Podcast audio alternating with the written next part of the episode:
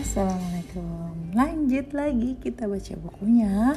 Kali ini Amalia mau baca buku. Um, Call Decode Honor Book. Jadi buku ini dapat penghargaan ya Call Decode Honor Book. Judulnya My Friend Obadiah. My Friend Obadiah by Brenton Oke, okay, let's open kayaknya bagus banget bukunya lumayan tebel. Dan gambarnya bagus banget. Gambarnya ini ada anak laki-laki namanya Obadiah. Dia mau berbelanja. Oke okay, let's read. Wherever Obadiah went a seagull was following him. Berarti Obadiah itu tinggal di dekat air ya It followed him all the way to the candles makers, and it was waiting for him when he came out of the shop. Oh, dia mau beli candle. Hmm, berarti ini tahunnya tahun-tahun sebelum listrik ya. Oke. Okay. When he was sent to the wharf for a fresh cod fish, benar kan nama Lea? Dia berada di dekat laut. It hopped along behind him. Wah, burung seagullnya camatnya penasaran sama bedaya kayaknya. And at night, when he went to bed, he could see it from his window. There it was, perched on the chimney of the shed, falling into the wind. Facing, bukan falling ya, facing into the wind of all the seagulls on Nantucket Island. Why did this one go everywhere Obadiah went? Dia penasaran, kenapa ya? Kenapa dia ikut aku terus gitu. On first day, everyone dressed up warmly and went to meeting.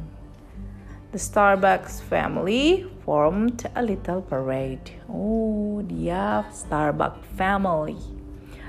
Then Moses and Asa and Rebecca and Obadiah and Rachel. Behind them came the seagull, hopping along as if it were going to meeting too. Jadi mereka berturut-turut ya. Pertamanya father and mother, terus tadi Moses, terus Asa, Rebecca, Obadiah, and Rachel. Go away, said Obadiah. The bird fluttered off, but it soon came back. Hmm, Obadiah mulai merasa terganggu. Thee has a friend, Obadiah, said father, as he turned in at the meeting house gate. Obadiah has a friend, said Moses. Obadiah has a friend, said Rebecca. Ask thy friend to come into meeting, said Asa. Rachel didn't tease. She tried to take Obadiah's hand, but he didn't want to hold anybody's hand. He picked up a pebble and threw it at the bird. He missed. The seagull flew out of sight. But when meeting was over, there it was, waiting for him. Hmm. Dia persistent. it got so that Obadiah didn't want to go out of his house. Whoa. At breakfast, father said, Obadiah, how is thy friend? What friend? asked Obadiah, his mouth full of muffin and plum jam. Thy very own seagull, said Asa. Rebecca giggled. that bird is not my friend, Obadiah shouted. Mother raised a finger. Don't distress thyself, Obadiah, she said. I think it is very nice that one of God's God's creatures favors thee. Well, I don't like it, said Obadiah. Seagulls don't follow anyone else around. Soon, after breakfast, it began to snow. Hmm. In the afternoon, mother wrapped a woolen scarf around Obadiah and sent him to Jacob Slide's mill with some money and a sack of flour. The bird was nowhere to be seen. Hmm, maybe it doesn't like the snow, Obadiah told himself. Maybe it flew away to the main, mainland.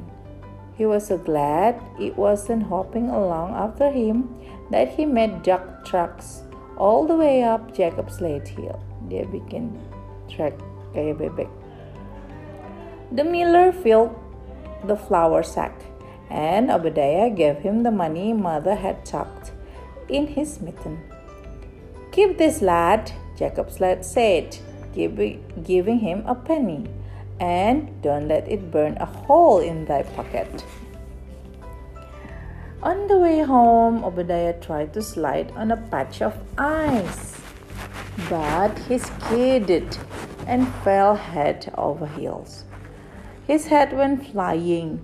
Snow got in his ear and in his boots. His breeches got wet, and so did the sack of flour. His knee hurt, and the penny was gone forever in the snow bank.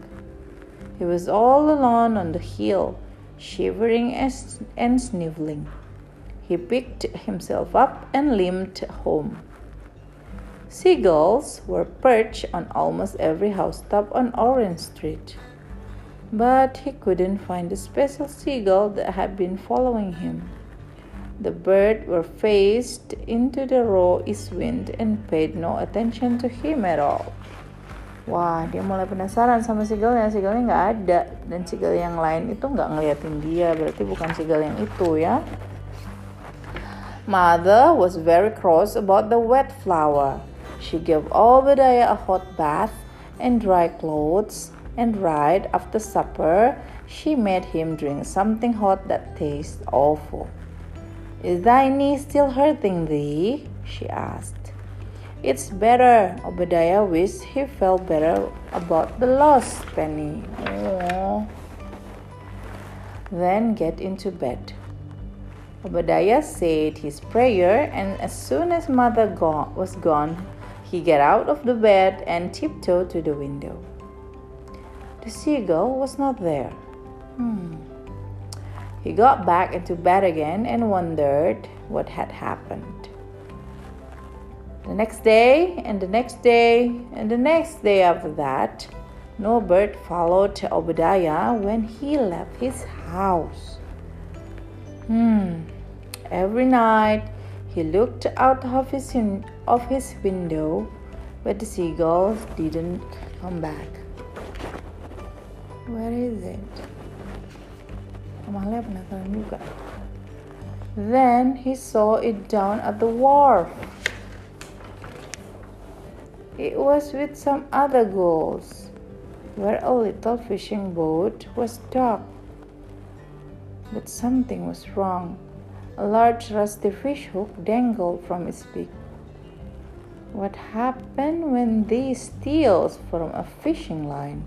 Serve thee right, Obadiah said and walked away. He was on the cobblestone street by the blacksmith's shop when he discovered that the seagull was hopping along behind him. Obadiah stopped. The bird stopped. The fish hook bobbed in the wind. Ah, burungnya kena fish hook. If thee is quiet, I'll try to get that off the beak. The seagull didn't move. I won't hurt thee, Obadiah said. The bird allowed him to come nearer and nearer. In a moment, the fish hook was in Obadiah's hand and the seagull was wheeling into the sky, making little weaving sound. Oh! It flew out towards the lighthouse. Why? Obadiah watched until he couldn't see it any longer, and he threw the rusty hook away and went home. As soon as he opened the front door, Obadiah smelled bread baking. In the kitchen, Mother and Rachel were just taking it out of the oven. Mother cut him a slice of the fresh warm bread and spread it with butter. He sat on the stool to eat it, and between mouthfuls he told them what had happened. Well, said Rachel, want to see that silly old bird again? No, said Obadiah. I expect I won't. At bedtime, after she had tucked him in, Mother went to the window. Obadiah, she said, look here. He tumbled off the bed. Isn't that thy seagull?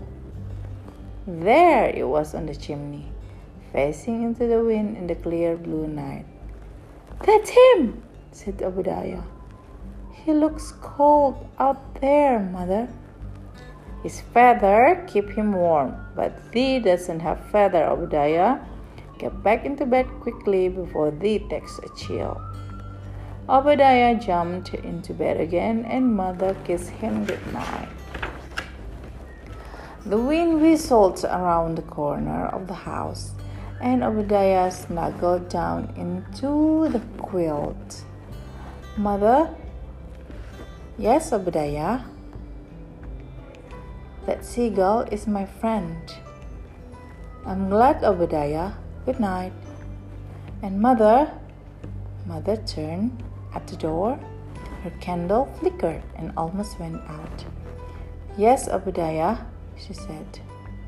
Since I help him. I'm his friend too.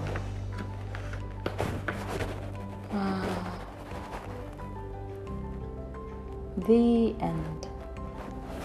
Bukunya bagus banget ya. Jadi kalau kamu pernah menolong orang atau hewan, berarti kamu adalah teman dari orang atau hewan tersebut nice story pantesan ya dia dapat Caldecott Honor Book hmm ini tahun berapa ya nih ada reviewnya The captivating little Quaker hero returns in another perfect blend of simple story, evocative illustration, and old Nantucket setting. Nantucket. Obadiah's new friend is a seagull who embarrassed the boy by following him following him everywhere to the wharf, to his home, even to the meeting. Both text and picture brings Obadiah's bygone word to radiant life. Iya, bagus banget. Okay, teman-teman. See you in another story. Goodbye.